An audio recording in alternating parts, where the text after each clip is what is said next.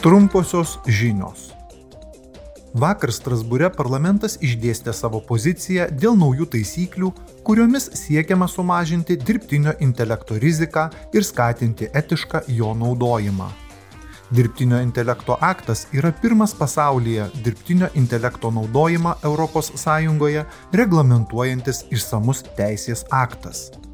Dirbtinis intelektas gali duoti daug naudos, pavyzdžiui, prisidėti prie geresnės sveikatos priežiūros, saugesnių ir švaresnių transporto priemonių, našesnės gamybos ir pigesnės bei tvaresnės energijos.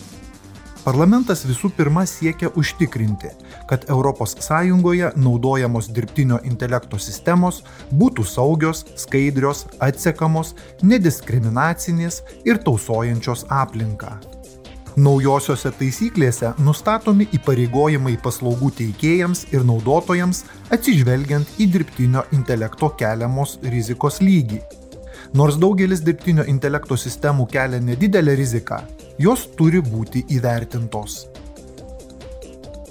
Diskusijoje su parlamento nariais Strasbūre Kipro prezidentas Nikosas Christodulidesas pristatė savo Europos ateities viziją daugiausia dėmesio skirdamas geopolitiniams iššūkiams. Jis paragino sukurti vieningą pokyčiams atvirą Europą, pajėgiančią užsitikrinti savo vietą rydienos pasaulyje. Kipro prezidentas pabrėžė, kad ES turi toliau remti Ukrainą ir pridūrė, Jokiais būdais neleisime, kad valstybių sienos būtų pakeistos naudojant jėgą ir kariaujant. Niekada nepripažinsime Rusijos agresijos prieš nepriklausomą suverenę valstybę rezultatų. Užtikrinti, kad anarchija ir džiunglių įstatymai netriumfuotų prieš tarptautinę teisę ir tarptautinę taisyklėmis pagristą tvarką yra principo reikalas ir mūsų prioritetas. Kalbėdamas apie Kiprą, jo prezidentas pakartojo, kad reikia visapusiško sprendimo ir pareikalavo aktyvesnio ES dalyvavimo. Savo ruoštų parlamento pirmininkė Roberta Metzola sakė, Europos projektas nebus užbaigtas tol, kol Kipras bus susiskaldęs. Galime pasinaudoti Europos gale, kad rastume sprendimus ir žengtume į priekį. Todėl šis Europos parlamentas ir toliau rems mūsų bendrą siekį užtikrinti, kad jūsų sala būtų suvienita pagal jungtinių tautų taikos planą.